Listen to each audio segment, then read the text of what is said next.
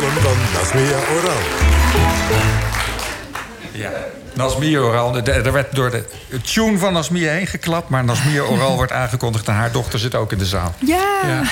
Nasmia, ga je gaan. Ja.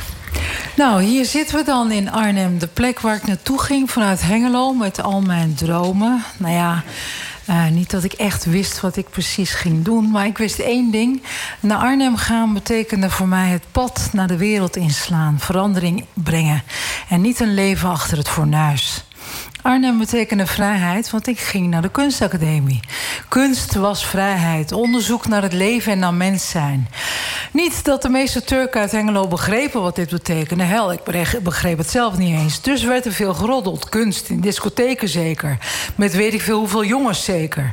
He, wij hadden het net over Greta Thunberg. En net als de meeste mensen vraag ik me af... waarom men zo agressief reageert op het meisje, op verandering.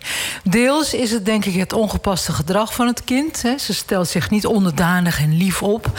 Zacht en bedeesd kind zou niet bedreigend zijn. Daarnaast leest ze ons de les. En dat stukje is volgens mij wat ons het meest tegenstaat. Hoe durft zij? En vooral dat demonische team achter haar. Uh, dat ons probeert te vernederen. Alsof ze beter zijn dan wij. En als ik dan al die commentaren lees op de Nederlandse Twitterfeeds van deze mensen die zich dus aangesproken en beschimpt voelen. En die dus denken: hoezo zijn jullie beter? En al die foto's zie die ze vervolgens het internet opsturen, conspiracy theory-achtig. Greta handen schuddend met die en die, van allerlei verbanden met Greta, met organisaties. En hoe ze wel plastic gebruikt en hoe er allemaal niks van klopt. En sowieso de uiterlijke agressie naar haar, demoniseren en belachelijk maken. Dan denk ik: wauw.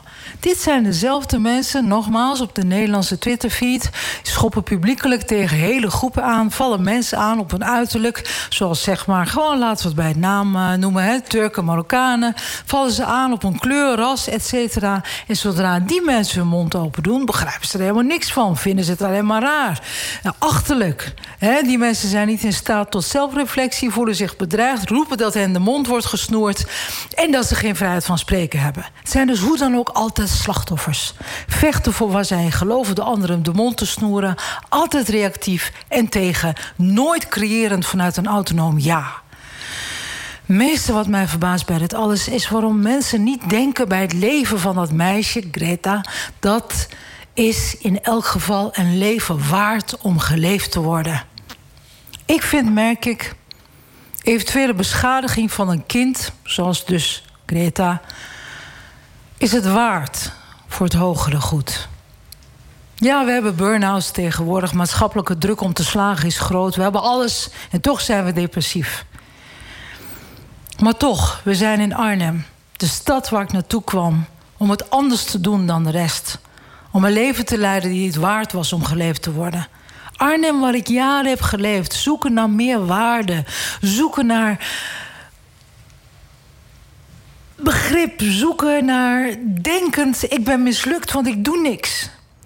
Ik doe niks voor mijn medemensen. En Arnhem, waar ik achter ben gekomen dat mens zijn complex is. En dat het in elk geval voor mij inhoudt... dat ik zo min mogelijk anderen pijn doe. Mijn verantwoordelijkheid neem en probeer mijn omgeving niet te vervuilen. Vooral niet emotioneel. Arnhem, mijn stad, waar ik het mens zijn oefen.